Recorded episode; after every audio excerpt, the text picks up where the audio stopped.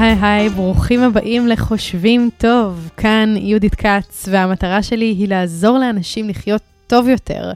גם כאן בפודקאסט הזה, גם בספר חושבים טוב, בכתבות, בעיתון הארץ, בהרצאות ובפגישות, וכמובן פה. אז אנחנו מיישמים את המסקנות והכלים הכי משמעותיים מעולמות הפסיכולוגיה, המחקר והשטח, וכיף שאתם פה, ברוכים הבאים. לכל מי שרוצה גם את החוויה המיוחדת של פנים אל פנים, המפגש הזה של העיניים, אז אלה האירועים המיוחדים שיש בחודש מרץ 2022. ב-25 במרץ אנחנו נפגשים בהרצליה לסדנה מרוכזת על קבלת החלטות, שלוש שעות של כלים ותרגול והקשבה על החלטות מהירות, מאושרות והגיוניות יותר. ב-27 במרץ, סדנת זום חדשה, מאיפה שתרצו, במחשב שלכם, בנושא של כתיבה ככלי פסיכולוגי. איך כתיבה משפרת לנו את החיים, אנחנו הולכים לתרגל ביחד. וב-31 במרץ אנחנו נפגשים בתל אביב להרצאה חדשה על אנשים מחפשים משמעות בעבודה ובחיים בכלל. אז הלוואי ונתראה.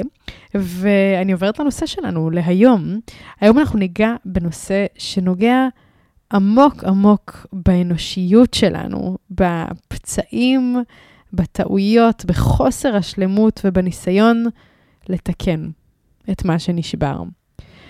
כי אנחנו לא נוכל לחיות את החיים בלי לפגוע באחרים וגם בלי להיפגע. אנחנו פגענו בטעות ופגענו בכוונה. אנשים פגעו בנו באופן שלא דמיינו שאי פעם יקרה. ומול הדבר הזה אנחנו מחזיקים כעס, טינה, סיפורים שאנחנו חוזרים עליהם שוב ושוב ושוב ושוב בראש שלנו. לפעמים אנחנו אפילו רוצים לנקום, והשאלה היא מה יקרה אם נשחרר? מה יקרה אם נסלח? האם בכלל אפשר לסלוח? והאם אפשר לסלוח על כל דבר? ואיך לבקש סליחה. בשביל כל זה, הזמנתי לכאן היום את לילה קמחי, מורה בכירה למדיטציית מיינדפולנס, ויפסנה ודהרמה. היא חיה בעלי אדמות, שזה מרכז אקולוגי ורוחני בעמק האלה, מלמדת בכל מקום בארץ ובעולם, אני הייתי אצלה בכמה ריטריטים. והרבה זמן, אני באמת הרבה זמן, רוצה להקליט פרק על סליחה. זה פרק של לב, וחשבתי שהקול של לילה הוא, הוא פותח את הלב. אז לילה קמחי, שלום לך. שלום, ברוכה הבאה. תודה, איזה כיף שאת כאן. ממש. ואני רוצה לשאול אותך, מה זה בכלל סליחה? כי אני חושבת שזה המקום ש... שאנחנו נתקעים בו, בהגדרה של מה זו סליחה, והאם אני בכלל מוכנה לגמרי. להיכנס לשם. אז... נכון מאוד, צריך להבין באמת על מה אנחנו מדברים. כן. לפני שאנחנו עושים אה, מחנות של אה, בעד ונגד, אה, כן או לא. אחד המשפטים שאני הכי אוהבת של נזיר הזן, תיך נתן, הוא אומר שסליחה זה ויתור על התקווה לעבר טוב יותר. זה מין משחק מילים כזה קטן. ויתור על התקווה לעבר טוב יותר. בדיוק, ויתור על התקווה לעבר טוב יותר. כשאנחנו רגע מסתכלות על המשפט הזה, אנחנו מבינות שהוא לא make sense יותר מדי, אבל הוא כן, בבפנים שלנו הוא כן, כי הרבה פעמים, הרבה מאיתנו, בשביל לא להגיד כולנו רוב הזמן, כן? היינו מקוות שהדברים יהיו אחרת ממה שהם היו. ומשהו בנו בתקווה הזאת, זה לא רק מחשבה על זה, יש פה היאחזות שיכולה להיות היאחזות של שנים רבות, אולי אפילו כל החיים. זה היה צריך להיות אחרת. חבל שזה היה ככה, זה היה צריך להיות אחרת. ואם זה היה אחרת, אז הייתי מאושר או מאושרת. אבל בגלל שזה היה כמו שזה היה, אני לא, אני לא מסכימה לחיות את חיי בטוב. אני לא מסכימה לשחרר את הלב תודעה שלי, שבה... בלימוד ובתרגול הבודהיסטי ובשפה הבודהיסטית הקדומה, זה, זו אותה מילה. המילה היא צ'יטה בסנסקריט. צ'יטה? צ'יטה. צ'יטה, כמו הנמר. כמו הנמר, אבל כתוב אחרת. אוקיי. C-I-T-T-A, צ'יטה, ככה מבטאים את זה. צ'יטה. וזה בעצם מתאר heart and mind, אה, לב ותודעה. וברגע שאנחנו מסכימים לוותר על תקווה שאפילו אולי לא קראנו לה אפילו ככה, שהדברים שקרו היו קורים אחרת. הרי אי אפשר. כן. קרה, נגמר. אז מתחילה הדרך בעצם. זאת uh, ההגדרה של תיך נתן למה זו סליחה. אני אוהבת את ההגדרה הזאת. נורא יפה, נכון? כן. אני חושבת שזו נקודה אולי ששווה רגע אה, לעצור בה ו- ולהזמין את המאזינים והז... והזמנינות, המאזינות, ולהזמין את המאזינים והמאזינות לחשוב על האם יש משהו בחיים שלכם שאו לא סלחתם עליו, שאתם אומרים, עד, עד כה לא ניסיתי או לא הצלחתי, יכול להיות שניסיתי וזה נורא נורא קשה. אה, או האם יש משהו שאנחנו חושבות שלא ניתן לסלוח עליו?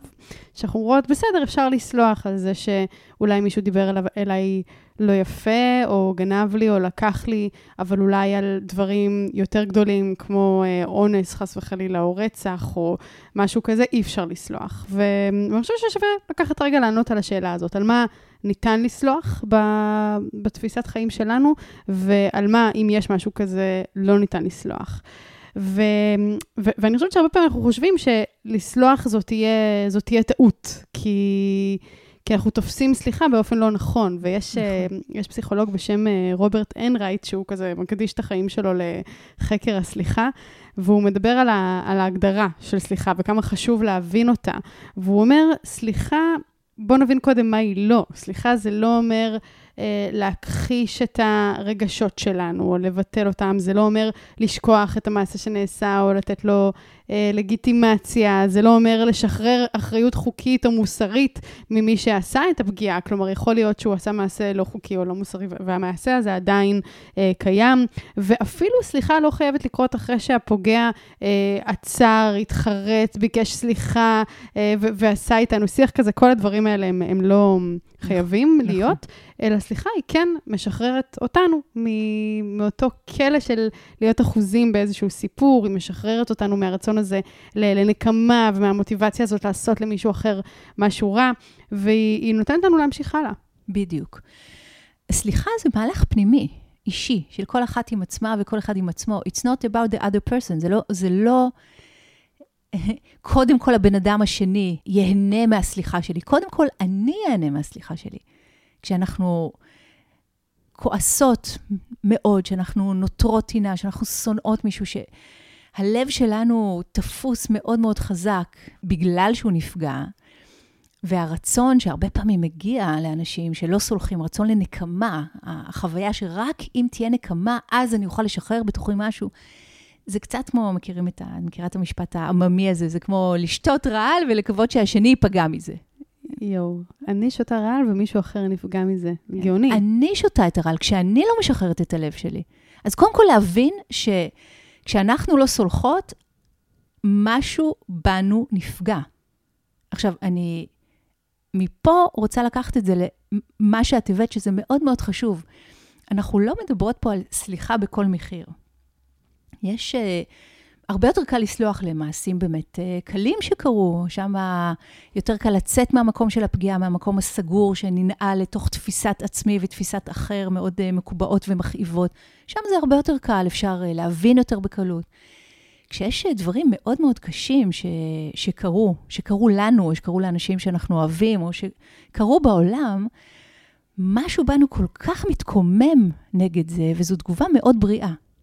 אני לא רוצה שישתמע חלילה שאנחנו אמורות לוותר על האינטליגנציה שלנו ולוותר על, ה, אה, על הצדק של הלב שלנו ולסלוח כי זה הדבר היפה והרוחני לעשות. ממש ממש לא. הסליחה זה דבר מרתק. יש לה עונות, יש לה שכבות. זה לא, בטח לא זבנג וגמרנו, ובטח לא או כן או לא. וזה גם הרבה פעמים עבודה לכל החיים. כי עבודת הסליחה זה מה שמגדל אותנו כבני ובנות אדם אה, עשירות יותר מבפנים, כן?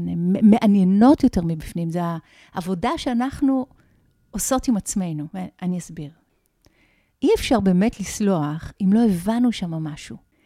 מה זה אומר הבנה? כשאנחנו באמת רואות מישהו לעומק, אנחנו יכולות לראות את המהלכים השונים שהביאו לפעולה, שהייתה לא מיטיבה. זה לא אומר שאנחנו נסכים עם מה שקרה, להפך. בעצם זה שנבין את המהלכים ואיך דבר הוביל לדבר, זה אומר שנשחרר את הלב שלנו מלקבע את האדם השני ואת עצמנו בתפקידים לא מיטיבים. בואו ניקח רגע דוגמה. מישהו בא וגנב לי את כל הכסף, אחרי שעבדתי על זה כל החיים, על זה נשענתי. עכשיו החיים שלי השתנו ב-180 מעלות, כי אין לי יכולת, אה, לא יודעת, לשלם על הדירה שלי, ושינה לי את החיים. מאוד את אומרת, מאוד ש- מכאיב. מאוד מכאיב. עכשיו את אומרת, אני צריכה לנסות להבין אותו. קודם כל, אני זוכרת שסליחה זו עבודה פנימית שלי שמשחררת אותי. It's not about him. קודם כל. וזה... ואני רוצה שיהיה לו רע, אני רוצה שהוא יסבול. ואז מה קורה לי? כשאני רוצה שיהיה למישהו רע ואני רוצה שהוא יסבול, זה שוב, לאכול את סוכריית הרעל הזאת. ברגע הראשון זה מרגיש כמו ממתק, יש לנו איזו הקלה, אבל זה מרעיל אותנו מבפנים. וכל אחד ואחד יודעים פה על מה אני מדברת. כן? כולנו מכירים, כולנו בני אדם, כולנו בסיפור הזה.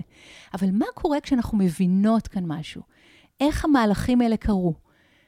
איך האדם הזה הגיע להיות מה שהוא הגיע? זה לא בשביל להצדיק אותו. נורא חשוב להגיד את הדבר הזה, זה לא בשביל להצדיק, זה בשביל לשחרר את הלב שלנו.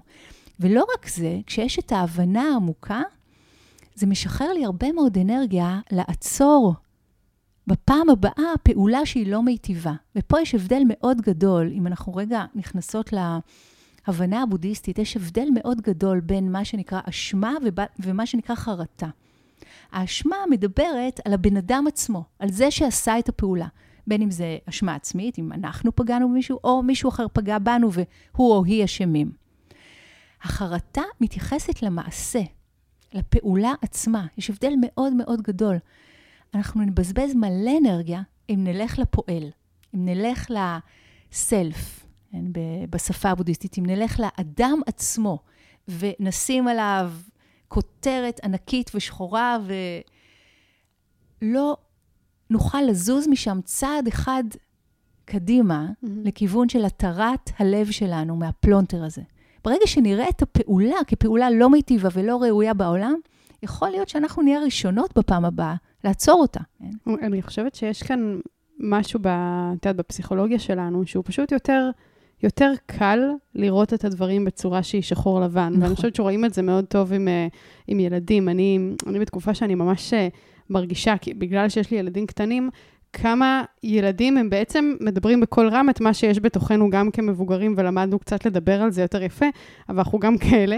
ונגיד, הרבה פעמים הבן שלי חוזר אה, מהגן, והוא אומר לי, שיחקנו בטובים נגד הרעים. אנחנו היינו הטובים ואלה היו הרעים. או שהוא שומע על איזו דמות מצוירת שהוא לא ראה אף פעם את הסרט, אבל הוא כבר יודע את כל הסיפור, והוא אומר לי, אה, אני יודע שהוא רע, נכון הוא רע, נכון הוא רע והוא טוב, ואני מנסה להגיד לו, תשמע, זה קצת יותר מורכב בחיים, זה, יש עוד דברים, אנחנו לא רק טובים או רק רעים, אבל אני חושבת שגם בתוכנו, אנחנו מאוד רוצים לשמור על הדימוי שלנו כדימוי של אני טובה, אני טהורה, אני תמימה, יש לי כוונות טובות, אני עושה מעשים טובים, אני בן אדם טוב. וכשמישהו אחר עושה משהו שהוא הוא מעשה לא טוב, ויש מעשים מזוויעים, נכון. אז נורא קשה לנו להחזיק את האמביוולנטיות הזאת של הוא גם בן אדם טוב והוא גם רע. זה נורא קשה Mm. לעכל את זה, שמישהו יכול, שמישהו טוב יכול לעשות רע.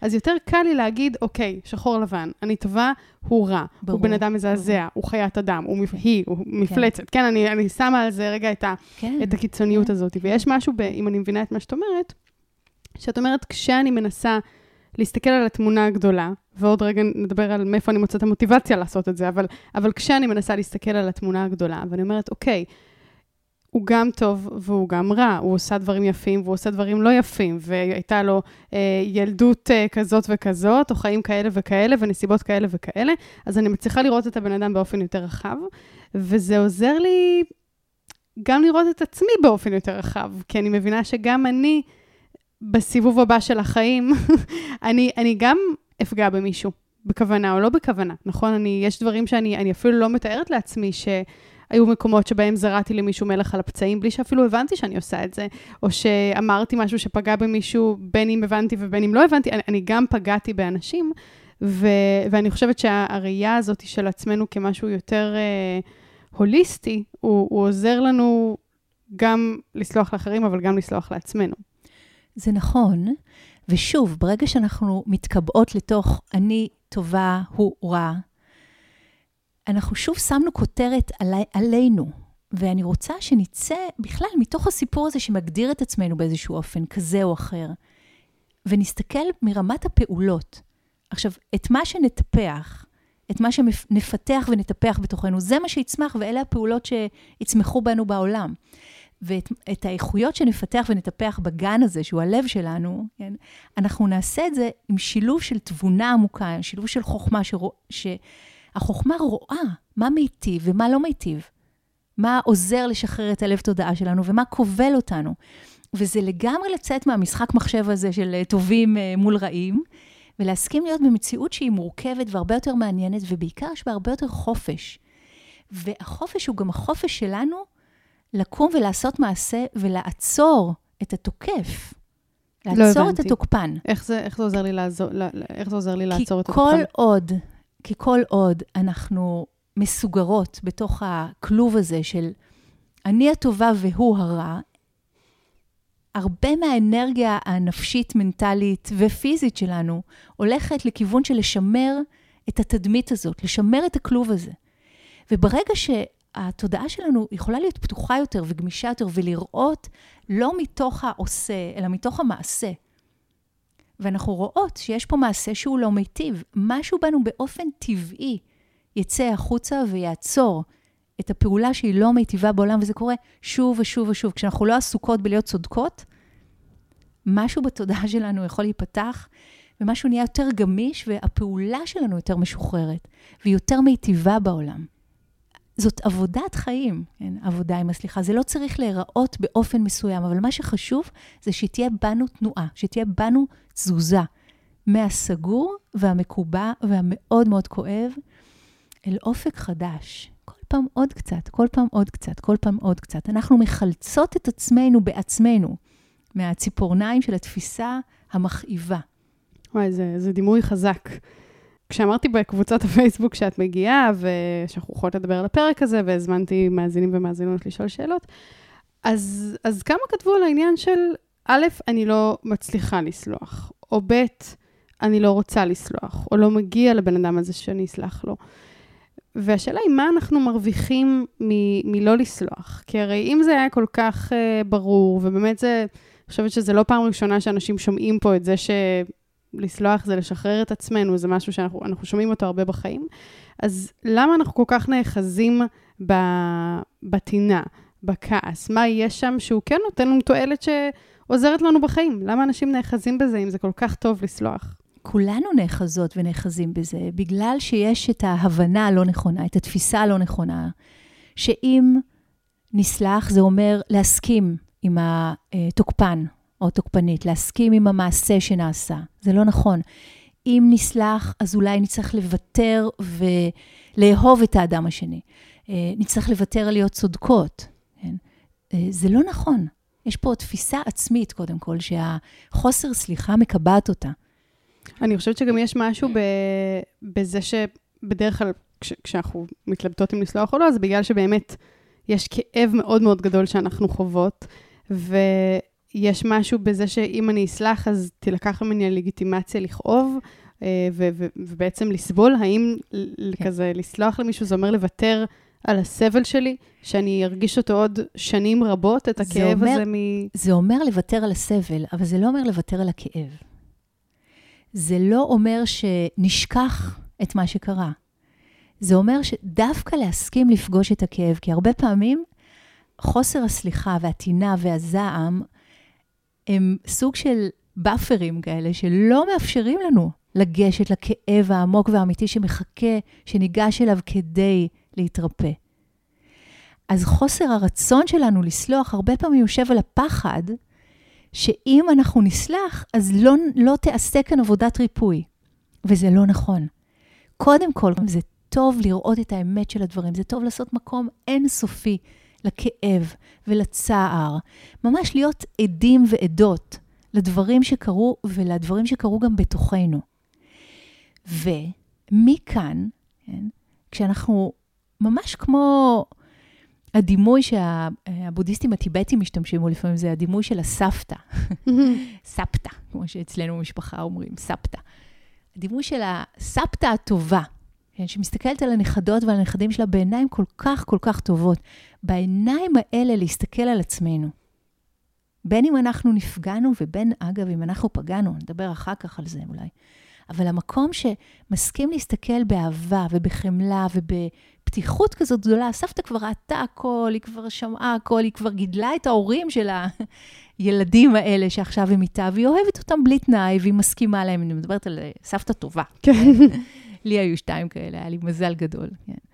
אז איך אנחנו יכולות להפנים, יכולות ויכולים כבני אדם, להפנים פנימה את, את הדמות הזאת, שמסכימה לשבת ליד הכאב שלנו, בלי מהר מהר לנסות uh, לכסות אותו במשהו. Uh, uh, קח סוכריה, בואי, תראי, תראי, תראי, יש פה משהו מעניין בחוץ. לא. וואו, אני יושבת, I'm paying respect. Respect מגיע מהלטינית, ריספקארי, להסתכל מחדש. יש בזה המון המון כוח ויופי. להסתכל מחדש על הדבר הזה שקרה לנו בנפש, הדבר הזה שקרה לנו בנשמה, כתוצאה מהפגיעה, ולא לעצור שם, לא לקבע את עצמנו בתוך זעם מסנוור שמוחק כל חלקה טובה וכל אפשרות לשינוי בתוכנו, שינוי בתוכנו, ולראות לעומק ובאומץ על מה הפחד הזה יושב. אז שוב, אני חוזרת ואומרת, זה נורא נורא חשוב לזכור, כשאנחנו בתהליך אינסופי של סליחה, זה לא אומר שאנחנו נסכים עם המעשה שקרה. זה כאילו משהו לא. שצריך לחזור עליו 800 אלף פעמים. צריך לחזור עליו 800 אלף פעם, כי יש לנו... זה לא להסכים עם המעשה לא שקרה. לא להסכים עם כן. המעשה שקרה, יש לנו עיוות תפיסה שם. כן. את יודעת, זה מזכיר לי, כאילו, אגב, ילדים, את העניין הזה שבתור ילדים כל הזמן אומרים לנו, תבקשי סליחה. כאילו, כן. פגעת במישהי, אז כן. עכשיו את צריכה לבקש סליחה. כן. נו, ביקשת סליחה, נו, ביקשת, ביקשת, ביקשת, ביקשת, נו, סלחת, סלחת, תגידי סליחה, אמרת סליחה, סליחה. ואז את כזה באה ואת כזה, אה, סליחה, נו, סליחה, קחי, הזונה, כזה קחי את הסליחה. ואני חושבת שהרבה כן. סביב העניין הזה עם סליחה, זה בדיוק המקום הזה של האם זה משהו שאנחנו רק אומרים אותו במין, בסדר, פגעת בי, הנה, סלחתי לך. אמ, או האם זה משהו שהוא באמת תהליך שאנחנו עוברים. כן. ו- ואותו רוברט אנרייט, ש- שהזכרתי קודם, שבאמת הוא מקדיש את כל החיים שלו לחקר הסליחה, אז יש לו עבודות מעניינות, הוא, הוא מדבר על זה שיש ארבעה שלבים לתהליך הסליחה שאנחנו עוברים אותם. עכשיו, אני אומרת את זה רגע עם סוגריים, ש- שזה... אני לא יודעת אם זה ברור, אבל אני חושבת שהשלבים האלה הם לא לינאריים. כלומר, שזה לא בהכרח אתה עוברת שלב אחד, ואז סיימת אותו, סגרת, אתה עוברת שתיים, זה לא אה, רשימה מסודרת, אלא זה מין ארבעה דברים שעוברים עלינו בתוך תהליך הסליחה, ואפשר לנדוד בתוכם ולעבור מצד לצד. אז, אמ, אז הוא אומר, השלב הראשון זה, זה לחשוף את, ה, את הכעס, שזה קצת מה שדיברת עליו, על להבין מי פגע, איך נפגעתי, כמה עמוקות נפגעתי, מה, מה בדיוק באמת בעצם היה שם, מה היו הנסיבות, מה אני אמרתי, איך הגיבו, אנחנו ממש מבינים כן. מה בעצם היה המעשה ואיך הוא השפיע על, ה, על החיים שלנו. ואז השלב השני, אה, לכאורה השני, הוא ההחלטה לסלוח, mm-hmm. שזה קצת נוגע במה שדיברנו עליו קודם, של להבין את החשיבות של תהליך הסליחה. האם הסליחה הזו באמת מגיעה מהבחירה החופשית שלנו, שאנחנו אומרים, אני מבינה שאני משלמת על זה מחיר גדול יותר, על הטינה הזאת, מאשר זה שזה באמת שומר עליי בחיים שלי. השלב השלישי הוא השלב של העבודה, כמו שהוא קורא לזה, שהוא אומר, אה, בוא ננסה לראות איך אני יוצרת שינוי שהוא שינוי חיובי כלפי עצמי, כלפי הפוגע, אמ, מה עוד היה בחיים שלו, גם על זה דיברנו. האם אני יכולה לנסות לראות איזושהי חמלה או אמפתיה כלפיו, עד כמה שזה באמת דורש איזו מתיחה, כלומר, קשה לי להגיד את זה, זה, זה דורש מאיתנו משהו. אמ, והדבר האחרון זה בעצם העניין של ה... להשתחרר מהכלא הרגשי הזה, mm. של, של הטינה שיושבת עלינו. כן. האם אני מבינה את הצורך הזה בסליחה? האם אני יכולה לשחרר את הנקמה? האם אני מזהה כמה סבל אני חווה בגלל הטינה הזאת בחיים שלי? כן. זה מאוד יפה, וכל מה שמנית עכשיו, זה באמת אה, דרכים של ראייה אחרת. איך אפשר להסתכל מזווית כזאת, ומזווית כזאת, ומזווית כזאת? והרבה פעמים הבקשה של הסליחה, כן, זה, זה המקום שאומר, הנה, עכשיו אני רואה אותך. אני רואה אותך עכשיו. מה שקרה אז, אני לא ראיתי. אני לא ראיתי עד הסוף, לא ראיתי במידה הראויה. אני מצטערת על זה. אני רואה אותך עכשיו. ויש בזה משהו מאוד מרפא, שמישהו רואה אותנו, יש בזה ריפוי. וואי, זה, את יודעת, זה שולח אותי כזה... אני, אני חושבת על עצמי. אה, באופן טבעי. ו... ואני אומרת, יש הרבה דברים שאני אני סלחתי עליהם, ואני אסלח עליהם, ובגדול אני, אני תופסת את עצמי כבן אדם אה, די סלחן. ואז מצד שני אני אומרת, יאללה, מה כבר עברת בחיים? כאילו, מה, האם באמת עברת משהו שמתקרב לקטגוריה הזאת של הדברים שאפשר לשאול, האם בכלל אפשר לסלוח עליהם? ו, והתשובה היא לא. שהיו לי חיים, אה, לא יודעת, אולי היה לי מזל עד עכשיו, ו- ולא עברתי משהו כזה. לא, לא עברתי טראומה, ולא עברתי הזנחה, ולא עברתי אונס, טפו טפו, ולא עברתי מלחמה, ואף אחד לא ירה בי. כן. ו- ו- ומצד אחד אני אומרת, אוקיי, אולי, אולי אפשר לחלק את הדברים לדברים שאפשר לסלוח עליהם. את יודעת, הפגיעות של היום-יום והדברים שאי אפשר לסלוח עליהם. ואני חושבת לא. שרובנו אולי מחלקים את זה ככה. לא, לא. ואז אני קוראת, אני קוראת, את יודעת, אני נחשפת לעולם, אני שומעת סיפורים, אני קוראת דברים, ואני מגלה כמה המעלה הזאת בעצם של הסליחה, היא מגיעה גם למקומות שאנחנו אומרים, אין מצב, אין מצב לסלוח על משהו כזה, ו- ויש ספר ממש אה, חזק שנקרא The, The Gifts of Forgiveness, שאת מכירה אותו? Yeah. שכתבה אותו uh, קתרין uh, שוורצנגר, שהיא הבת של ארנולד שוורצנגר, וסבא שלה בעצם היה, היה נאצי. נכון, כן. ואני חושבת שמשם היא התחילה את המסע הזה של האם היא יכולה לסלוח, את יודעת, לאבות אבותיה, שעשו דברים כל כך כל כך נוראים. ובעצם כל הספר הזה, הוא מתאר סיפורים בלתי יאובנים של סליחה. בדיוק המקרים האלה שאנחנו אומרים, אין מצב לסלוח. אז למשל, היא מספרת שם על, אה, על אווה קור, שהיא, שהיא אחת מה... תאומות שהייתה בתמונה המפורסמת הזאת של שחרור אושוויץ, שראו את כל התאומים ש... שמנגלה עשה בהם ניסויים, ולאורך כל החיים שלה הזמינו אותה לדבר על, על מה שהיה שם ומה שהיא עברה, וחלק היא זכרה וחלק היא לא זכרה, כי, כי זה היה מאוד מאוד טראומטי. ו... ובאחד ה, הפעמים הזמינו אותה לדבר באיזשהו כנס על, על מה שהיא עברה, ואמרו לה, אנחנו רוצים שנזמין גם רופא נאצי שהיה שם, שידבר על הדברים מהזווית שלו. שזה זעזע אותה ברגע הראשון, שהיא הולכת עכשיו להיות בכנס כזה, שמצד אחד היא תדבר על מה שהיא עברה, ומצד שני, יש שם מישהו מה, מהפוגעים שלה, כן, אולי זה לא מנגלה עצמו, אבל מישהו מהפוגעים שלה, שעשה את הדברים הנוראים האלה, ו, והוא גם יהיה שם. ואז היא נזכרה שהיא באמת ראתה באחד הסרטים התיעודיים אה, רופא ש, שהיה במחנה, שהתראיין על הנושא הזה, וקראו לו הנס אה, מונץ, אני מקווה שאני הוגה את השם שלו נכון, והיא יצרה איתו קשר, ואמרה לו, בוא, לדבר על זה. והוא הסכים, אה, הוא הסכים להתראיין על זה בווידאו, והיא הגיעה לבית שלו לראיין אותו. היא וואו. הגיעה לבית mm. שלו לראיין אותו, והיא שאלה אותו על, על מה שהוא חווה שם, והיא שאלה אותו האם הוא ראה את, את תאי הגזים. כלומר, האם הוא מודה בזה ש, שהיו שם תאי גזים, והוא אמר לה שכן, ושזה סיוט שרודף אותו מאז, אה, ושזה זוועות שהוא, שהוא ראה. והיא שאלה אותו האם הוא יהיה מוכן להגיע לאושוויץ ולחתום על הצהרה שהיו שם תאי גזים, שהוא מודה בזה, שזה קרה, והוא היה מוכן, הוא אמר שהוא, שהוא אפילו ישמח לעשות את זה, ו, ו, וזה אכן קרה, כלומר, הם נפגשו שם והוא חתם על הצהרה כזאת שהיו שם תאי גזים, והיא אמרה שהדבר הזה... ממש ממש שחרר אותה. כלומר, עצם ההכרה בדיוק. של הצד השני, שבאמת היה משהו כזה, ושזה בדיוק. באמת היה נורא, כן. והיא עוד הרגישה שהיא רוצה לתת לו מתנה אחרי כל זה, והיא התחבטה מה, מה המתנה שהיא הולכת לתת לו, וואו. והיא החליטה שהמתנה תהיה מכתב מחילה שלה אליו, על כל מה ש, ש, ש, שהוא עשה, או הם עשו, ו... והיא מתארת את זה ממש שזה, כמשהו שזה חיזק אותה. היא אמרה, אני הבנתי שאני בעצם לא קרבן, קורבן ש, שאין לו כוח, אלא בדיוק. יש בי תקווה ויש לי כוח, ו... וזה, וזה נתן לו עוצמה מטורפת. והיו לזה המון תגובות נגד גם, כלומר, ניצולי שואה אחרים, שאמרו, מי את ש, שכאילו תסלחי בשמנו, כן. כי, כי זה באמת לא נסלח ולא נשכח. ולא נשכח. כן. וזה כן, זה מטורף שאפשר לסלוח על משהו כזה, זה באמת דורש אני לא יודעת אם הייתי מסוגלת, את יודעת? את יודעת, אנחנו, תמיד כשאנחנו מדברות על אה, דברים אינטנסיביים ודרמטיים וקשים ומעניינים, אנחנו נגיע לשואה. אנחנו נגיע, נגיע להיטלר, נגיע לדברים הכי הכי קשים בנפש האנושית. אנחנו צריכות לזכור שרוב הספקטרום שלנו הוא לא כזה, אבל כן. המקומות האלה הם מקומות שיכולים לתת לנו הרבה מאוד השראה.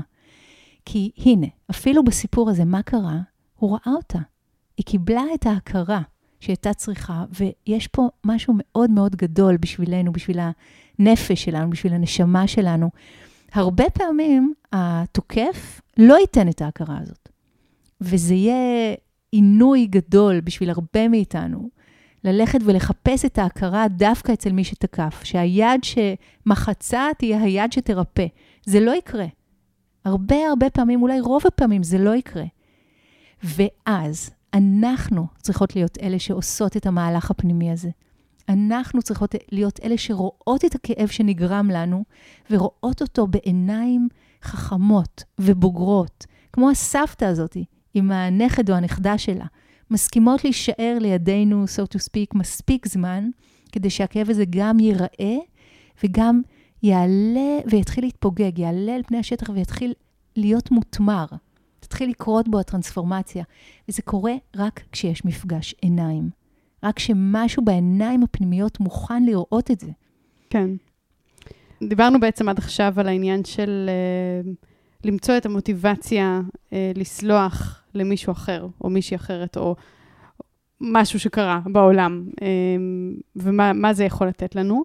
ובואי נדבר קצת על איך לבקש סליחה. כלומר, כשאנחנו בצד, ה, בצד שפגע במישהו אחר, מהי סליחה שהיא סליחה אפקטיבית? Uh, כמובן בהנחה שאנחנו באמת רוצים להתנצל. או, או, או, זה או, או. אז בדיוק שם, למה בכלל לבקש סליחה?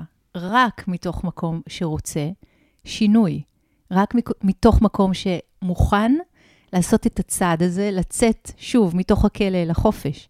הרי למה לנו לבקש סליחה בכלל? אחרת רוב האנשים באמת חיים הרבה מהזמן את חייהם בתוך תפיסות מקובעות של עשיתי משהו, באמת היא נפגעה, אני ממש מצטער, אבל, ויש לנו מלא מלא מלא מלא הצדקות. כן. למה עשינו את הדברים האלה. כן, אבל היא התחילה, אבל זה אבל- היה אבל קודם, אני ולא לא הייתה ברירה, ואפשר ועלה לי לחשוב, אבל וזה- כזה נורא, גם היא עשתה את זה קודם. בדיוק. כן, כל- וכולם עושים את זה. יופי, וואי, אנחנו טובות בזה, כן, אפשר בואי נמשיך. בואי נמשיך. אז כל הדבר הזה, כל האמירות האלה, זה אמירות שמנסות בכל הכוח להשאיר את תפיסת העצמי מקובעת במקום, ושחלילה היא לא תישרט.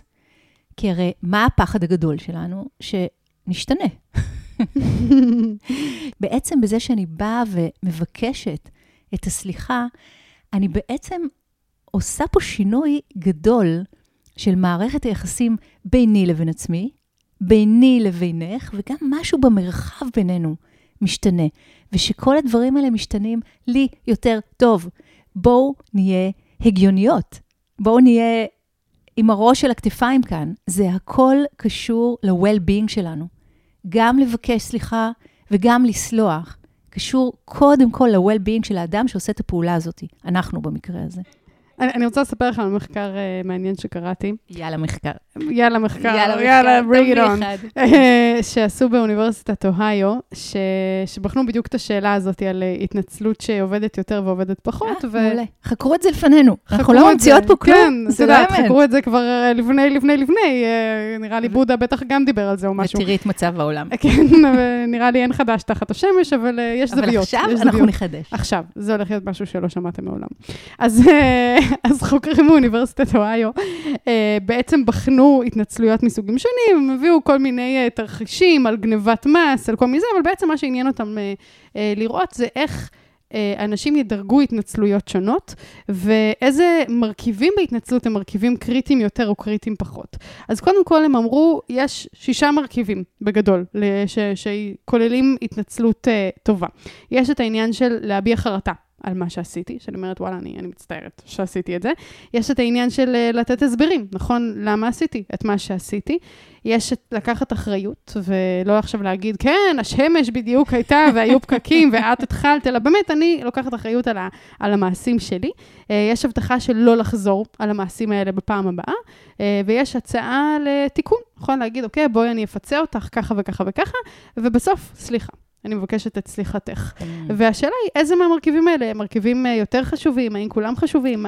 והמרכיב שהיה המרכיב הכי הכי חשוב, שגם נגענו בו, היה המרכיב של הלקיחת אחריות, שבן אדם באמת לוקח אחריות אה, על המעשים שלו ולא מתחיל לתרץ לו על כל מה שהיה באותו יום ו- ולמה למה זה קרה. אמ, המרכיב השני בתחרות הסליחות היה המרכיב של ההצעה לתיקון, של איך אני יכולה לפצות אותך וכן לעזור לך מתוך מה שעשיתי, שאני חושבת שהוא גם מתחבר באיזשהו מקום ל- ללקיחת uh, אחריות. והמרכיב האחרון, שהיה הכי חשוב, זה המרכיב של פשוט להגיד סליחה. של באמת, זה מתוק. באמת לבקש אה, פשוט, ו- ולהתנצל. כן. כן. בלי כאילו כל השכל, פשוט להגיד, וואלה, כן. סליחה. כן, מה. דעתך על זה? מה דעתי על זה? אני פחות מתחברת למחקר הזה, מהמם. כי זה מניח אותנו כיצורים רציונליים שיודעים מה הם עושים, ו-1, 2, 3, 4, 5 וכל הדבר הזה. לפעמים זה ככה, ולפעמים זה ככה, וזה לא כל כך קשור לאדם, אלא זה קשור לסיטואציה שהאדם נמצא בה. בואו לא נגביל את עצמנו למה יעבוד לנו תמיד. כן. אני, אני חושבת שהדבר הנכון יותר יהיה כל הזמן להקשיב לתנועה הזאת של הלב, ומה הלב עכשיו מבקש מאיתנו. אני חושבת שגם יש משהו בלתת לבן אדם זמן. כלומר, ביקשתי סליחה, כמו שאמרנו, היא או הוא לא מחויבים לסלוח לי, וזה בסדר לשים את זה שם ו- ולחכות. כי הרבה פעמים זה הופך לעוד מעגל כזה של, מה, ביקשתי ממנה סליחה, כאילו, מה עכשיו... מה, מה עכשיו? כן, מה היא לא סולחת לי, כזה, רק היא, זה. אשמתה, אני באה בטוב והיא באה ברע. אחד הדברים המעניינים בהקשר הזה של מערכות יחסים, זה שאנחנו רואים ש... הרי כולנו כל הזמן, יש לנו רגעים כאלה של אובדן אמון, של אכזבת אותי, לא הקשבת לרעיון שלי, לא הקשבת לי ברגע שהכי הייתי צריכה אותך, זה קורה כל הזמן במערכות יחסים. נכון. וקורים גם דברים יותר גדולים, כמו שקרים ובגידות ודברים כאלה. ומה שאנחנו רואים זה שאין קשר בין עוצמת הפגיעה בהכרח להאם הקשר ישרוד לאורך זמן וכמה טוב הוא יהיה, אלא דווקא העניין הזה של ה- ל- לשבור ולתקן מחדש, נכון? כי אנחנו רואים נגיד זוגות שהייתה בגידה, והם חוזרים להיות ביחד, והם אפילו חזקים יותר. ואנחנו רואים כאלה שהייתה בגידה, וזה גוד ביי, בואו, שלום שלום, לא נתראה יותר לעולם. וגם אנחנו רואים דברים קטנים קורים, כמו מישהו שלא מקשיב, ואז יש חיבור מחדש, ויש מקרים של הוא לא הקשיב לי ולא התייחס, ואנחנו נפרדים. אז אנחנו רואים ש, שזה לא בהכרח קשור, העוצמה של הפגיעה, למה יקרה בהמשך. נכון. והעניין הזה של ה... של. לשבור ולתקן ולשבור ולתקן, הוא, הוא הרבה פעמים חלק חשוב מתוך uh, מערכות יחסים, ו... ואני חושבת שקראתי איפשהו שזה כולל uh, ארבעה מרכיבים שנגענו בהם פה, ואני חושבת שזה כזה אורז יפה את השיחה שלנו עד עכשיו, שמה שקובע את ההבדל זה קודם כל היכולת להתנצל uh, כשמשהו קורה, ולא כזה לנסות להתעלם מזה ולהחליק את זה הלאה, ומצד שני, היכולת לסלוח, נכון? היכולת Mm, הזאת של, כן, של כן. להסכים uh, לקבל את מה שקרה ו... כל מה שדיברנו עליו עד עכשיו. ומצד שני, גם את היכולת ללמד וללמוד. כלומר, מצד אחד, אני מנסה ללמד אותך משהו עליי. אני מנסה להגיד לך, נכון. תראי, כשאני מדברת, אני מאוד צריכה שתקשיבי לי, אה, שתהיי שם בשבילי, שתסתכלי עליי ותענני, שתשאלי אותי שאלות ובלה בלה בלה. אה, ומצד שני, את היכולת שלך, או של הצד השני, ללמוד ולהבין שאני לא יודעת הכל, נכון. אני לא מושלמת, אני נכון. יכולה עוד לקבל משהו, לא רק אה, ביקורת שמעידה על כמה אני נוראית, אלא על, היי, יש לי עוד מה ללמוד בעולם. נכון ואני מאוד. חושבת שזה מאוד מתחבר לשיחה שלנו, שבסוף רוב הסליחות בחיים הן הסליחות הקטנות האלה של ה... למה אמרת לי שתבואי ולא באת? כן. למה אמרת את הדבר הזה עליי מול אנשים אחרים ו- והורדת אותי ו- וקצת השפלת אותי אולי? Mm, כן, אמ, ו- כן. ולא עכשיו ה... הדברים הגדולים. כן. את מדברת פה על מערכות יחסים שהן קרובות, כן. וראוי להן שיהיו מושתתות על אמון. כן, כי לגמרי. ברגע, כי ברגע שיש אמון, זה אומר שאני יודעת שאנחנו פה בדרך משותפת, ואנחנו כל אחת בשביל השנייה או בשביל השני, לגדילה הדדית ולצמיחה הדדית. יש קודם כל את המצע הזה, והמצע הזה יכול להכיל הכל, אם יש אותו. אז ברגע שאין אותו, אז אפילו אמרת לי משהו לא במקום, ביי. כן, כי אני כבר לא, אני כל כך לא סומכת של לא. אבל כשיש אותו, אז אפילו דברים מאוד מאוד קשים יכולים להיראות באור הזה של מה זה יכול ללמד אותי על מה שחשוב לי ויקר לי. וזה הרבה פעמים שולח אותנו לבדוק לעומק את היחס שלנו כלפי עצמנו וכלפי האדם האחר וכלפי העולם. כי אם יש אמון ויש רצון טוב ויש אהבה, אז אפשר לפתוח בכנות ובאומץ ולהבין מאיזה מקומות אני פעלתי, מאיזה מקומות הוא, היא, הם פעלו, וללמוד אחד את השני וללמוד את עצמנו דרך המקומות האלה, ולהתייחס אליהם כאל מקומות שמגדלים אותנו, אני רוצה להקריא בהקשר הזה כמה שורות מתוך אה, רצות עם זאבים של קלריסה פינקולה אסטס, ממש הסוף של הפרק, פרק 12, שמדבר על, אה, על אה, זעם ועל סליחה. והיא כותבת ככה, איך אתן יכולות לדעת אם סלחתן? במקום לחוש זעם על התקרית, אתן חשות עצב. אתן נוטות לרחם על האדם או לחמול על האדם, במקום לכעוס עליו. אתן נוטות לחוש שלא נותר לכן דבר לומר על התקרית כולה. אתן מבינות את הסבל שהניע את העבירה מלכתחילה. אתן מעדיפות להישאר מחוץ למיליה הזה. אינכן מחכות לדבר. דבר לא חסר לכן. שום מלכודת פלצור אינה כרוכה לקרסולכן ונמתחת מכאן ועד לשם. אתן חופשיות ללכת. אפשר שלא זכיתן לחיות באושר ובעושר עד סוף הימים, אבל ודאי וודאי שכעת ממתין לכן היו היה פעם חדש, מהיום ואילך. יפה. יודעת לכתוב זאתי. וואה, אין עליה. תודה שכתבת את זה. כן, כן, כן, כן, אחת מה-wise women של הפלנטה שלנו. אז בואי אה, ננסה לסכם על מה דיברנו היום. דיברנו על למה כדאי לנו לסלוח, ועל למה זה עובר דרך הבנה של מהי באמת סליחה ומה היא לא. כי אם אנחנו מסתכלים על זה לעומק, אז אנחנו מבינים ש... הרוב המוחלט, אם לא כל ההתנגדויות שלנו לסליחה, מגיעות מזה שאנחנו לא הגדרנו מה זה סליחה, וראינו סליחה בתור איזו טובה שאנחנו עושים למישהו אחר, או משהו שאנחנו עושים בשביל הפוגע, ולא בשביל, קודם כל, בשביל עצמנו, בשביל לשחרר את הטינה, את הכעס, ולא לחיות באיזה כלא של סיפור או של הגדרות או של מעשה אחד, אלא למקום שהוא יותר חופשי, שבסוף המטרה היא שאנחנו נמשיך הלאה ונחיה את חיינו בלי המשקולות המאוד מאוד כבדים האלה. ונתנו, אני חושבת, כל מיני סיפורים שממחישים כמה סליחה יכולה להיות גם ברגעים הכי קטנים ויומיומיים, וגם באירועים שככותרת היינו אומרים, לא נשכח ולא נסלח ואי אפשר לסלוח על זה. אה, דיברנו על שלבים שונים שקורים לנו בתוך הסליחה, בין אם זה הכעס ולהכיר מה קרה לי או מה מישהו אחר עשה, המקום הזה של המוטיבציה לסלוח, ההחלטה לסלוח, אה, להבין מה, מה אני בעצם אה, רוצה לעשות עם זה. דיברנו על הצד השני, על לבקש סליחה, ושגם כאן אנחנו רוצים לראות את הצד השני ולראות אותו בכל מיני מובנים שונים. ויש משהו שאת רוצה להגיד לסיום? רגע לפני שנחשוף את האתגר?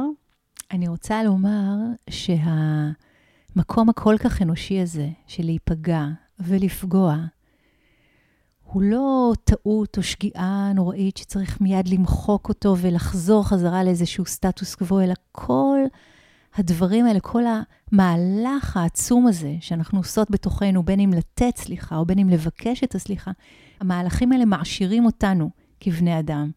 אמן. יאה. אז uh, אני אוהבת לתת בסוף כל פרק אתגר, והפעם אני רוצה להציע לכם לקחת את הפעם האחרונה שביקשתם סליחה, או אולי סליחה שאתם רוצים לבקש, ולנסות רגע אחד להבין מה הכנסתם לתוך הסליחה הזאת. איך נראית ההתנצלות שלך ושלך, והאם אתם הייתם שמחים לקבל התנצלות כזאת, עם המרכיבים האלה?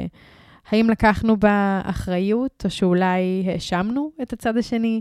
האם הצענו דרך לתקן? האם באמת פתחנו את הלב? מקסים, אני מאוד אוהבת את זה. איזה כיף. לילה קמחי, איפה אפשר לשמוע אותך, ללמוד ממך עוד? אמ, אפשר אמ, למצוא מידע על הפעילויות איתי באתר שלי, ויש פודקאסט, אמ, שם יש אה, שיחות שאני נותנת בריטריטים, בכל מיני אה, אירועי מדיטציה ולימוד, ומדיטציות מוקלטות, יש ערוץ יוטיוב. מוזמנות ומוזמנים בחום. מעולה, אז אנחנו נשים לינקים להכל, ואני רוצה להגיד לך תודה. את באמת נוגעת בלב, ואני ממש מקווה שנגענו בכם, ותודה רבה לכם שאתם כאן, והלוואי, הלוואי, והפרק הזה פתח את הלב עוד קצת. ואם אהבתם את הפרק, אז תשתפו אותו. אם אתם אוהבים את הפודקאסט, אתם מוזמנים גם לתמוך בו באופן חד פעמי או קבוע. וככה להמשיך לי, לעזור לי לשמור עליו בלי פרסומות, רק תוכן, תוכן, תוכן, עם קהילת מאזינים שתומכת בפודקאסט. ואפשר גם לתמוך בפודקאסט בשיתופים, או בפידבק, או ב Spotify בדירוגים, או ב iTunes בדירוגים. ותודה, זהו, שהייתם איתנו בעוד פרק של חושבים טוב. אני הייתי יהודית כץ, ואני סולחת לעצמי על כל מה ששכחתי לספר. תסלחו גם לעצמכם. יאללה, ביי!